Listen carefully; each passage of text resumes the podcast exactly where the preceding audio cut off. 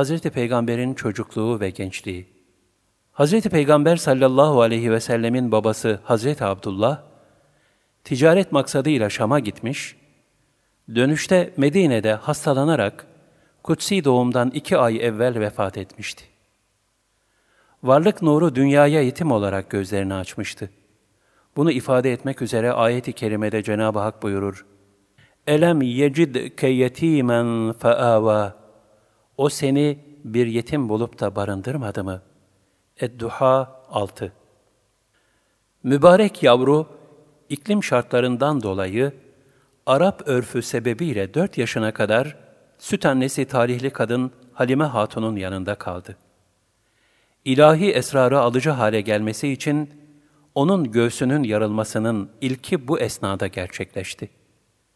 Bir gün varlık nuru süt kardeşi Şeyma ile öğle sıcağında kuzuların yanına gitmişlerdi. Dönüşlerinde Halime kızına, böyle şiddetli sıcakta niçin dışarı çıktınız dedi. Kızı da yaşamış oldukları ilahi lütfu şöyle ifade etti. Anneciğim, biz güneşin yakıcı hararetini hiç hissetmedik. Kardeşimin başı üzerinde devamlı bir bulut dolaşıyor ve bizi gölgeliyordu. Altı yaşındayken annesi Hazreti Amine, babasının cariyesi olan Ümmü Eymen'i de yanına alarak, varlık nurunun babası Hazreti Abdullah'ın kabrini ziyaret için Medine'ye götürdü. Bu esnada Hazreti Amine hastalandı ve Ebva denilen yerde vefat etti, oraya defnedildi. Ölmeden önce yetim yavrusuna muhabbet ve şefkat dolu gözlerle derin derin bakmış, onu bağrına basarak mübarek oğluna şunları söylemişti. Her hayat sahibi ölecek.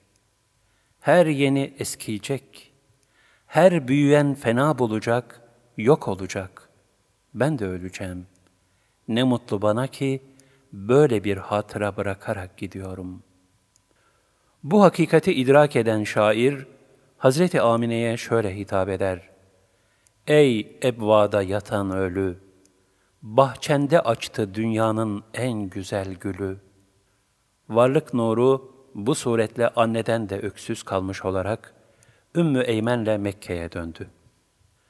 Sekiz yaşındayken dedeleri Abdülmuttalip, daha sonra da kendisini fedakarane bir şekilde müdafaa eden amcası Ebu Talip vefat etti. Bu suretle bütün ilahi ve zahiri destekler son buldu.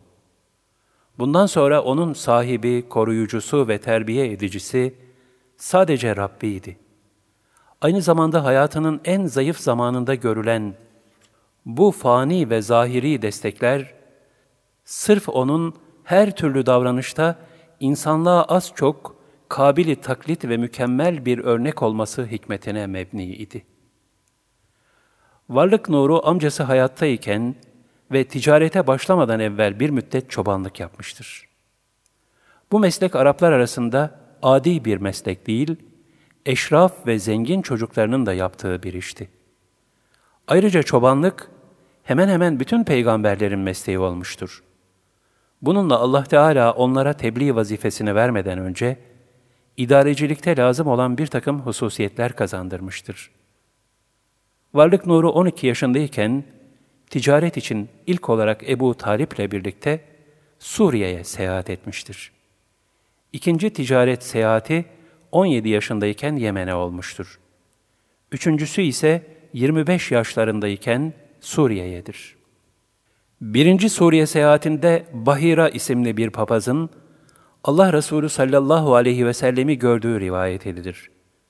Bahira o sıralar 12 yaşında olan Hazreti Peygamberi bir bulutun gölgelediğini fark ederek, ondaki harikuladeliği sezer ve İncil'de okuduğu vasıfları düşünerek varlık nurunun sırtına bakar. Oradaki nübüvvet mührünü de görünce, mührü şerifi kemali edeple öper ve Ebu Talib'e, Ey Ebu Talip, bu mübarek çocuk enbiyanın hatemidir. Onu muhafazada dikkatli olun der. Ancak bu hadise dolayısıyladır ki Hristiyan müsteşrikler, İslam'a leke sürebilmek için Hz. Peygamber sallallahu aleyhi ve sellemin Bahira'dan telkin aldığı iddiasında bulunurlar. Bu ise tamamen hilafi hakikattir. Kur'an ve tevhid akidesine zıttır. Zira Bahira teslis akidesine inanan bir papazdı. Diğer taraftan onun dininde Allah telakkisi antropomorfik yani beşeri sıfatlarla teciz edilmiş müşahhas bir yapı sergilemektedir. Oysa Allah Resulü sallallahu aleyhi ve sellemin getirdiği İslam dini, tevhid temelleri üzerine hak tarafından gönderilmiş bir dini mübindir. Allah telakkisi müteal, yani idrak ötesi ve her türlü noksan sıfatlardan münezzeh ve mücerret bir mahiyet arz eder. Bu hakikat dolayısıyladır ki, İslam, ehli kitabın bi'setten evvelde olsa ancak ilahi istikamette olanlarının kurtuluşa erebileceğini Kur'an-ı Kerim'de şöyle bildirir. Şüphesiz iman edenler, Yahudiler, Hristiyanlar ve Sabiilerden Allah'a ve ahiret gününe iman eden ve salih ameller işleyenlere korku yoktur ve onlar mahzun olmayacaklardır. El-Bakara 62 Hz. Peygamber sallallahu aleyhi ve sellem Efendimiz, bütün zaman ve mekana son peygamber olarak gönderilmiş olduğundan, kendisinden evvelki bütün dinler mensuhtur. Dolayısıyla Allah'a iman edip, Hz. Peygamber sallallahu aleyhi ve selleme iman etmemek küfürdür. Bu sebeple bugünkü ehli kitabın dindarları, yukarıdaki ayet-i kerimenin şumulü dışındadır. Onun yetim ve öksüz çocukluğuyla gençliği bir nezahet ve en parlak bir istikbale liyakat ifade eden bir ulviyet içinde geçiyordu. Farik sıfatı el-emin ve es-sadık idi. Ona bu sıfatları verdiren pek çok numuneyi imtisal olan hadiseler vardır. Bunlardan biri de şöyledir. Bir genç kendisine bir yere giderken rastlamış ve ona bir emanet bırakarak orada beklemesini rica edip hemen geri döneceğini söylemişti. Hazreti Peygamber sallallahu aleyhi ve sellem de kabul buyurmuştu. Ancak genç dediği gibi hemen gelmemiş, aradan hayli bir müddet geçtikten sonra söylediğini unutmuş olarak oradan tesadüfen geçerken varlık nurunu görünce şaşırmaktan kendini alamamış ve sen hala burada mısın demişti. Emniyet ve sadakatin kabına varılmaz ufkunun zirvesinde bulunan Allah Resulü sallallahu aleyhi ve sellem, bu ahlak-ı hamidesine ilaveten, gencin yaptığı karşısında onu azarlamayıp, sadece irşat sadedinde, çok beklettin ey delikanlı buyurmuşlardır. Onun nübüvvetten önceyken bile sergilediği bu ve benzeri ulvi hasletler, birbirinden güzel, ibretli ve hikmetlidir.'' Zaten bunlar ancak bir peygamber namzedinde tecelli edebilirdi. O her zaman yalnızca hakkın, haklının ve mazlumun yanında olmuştu.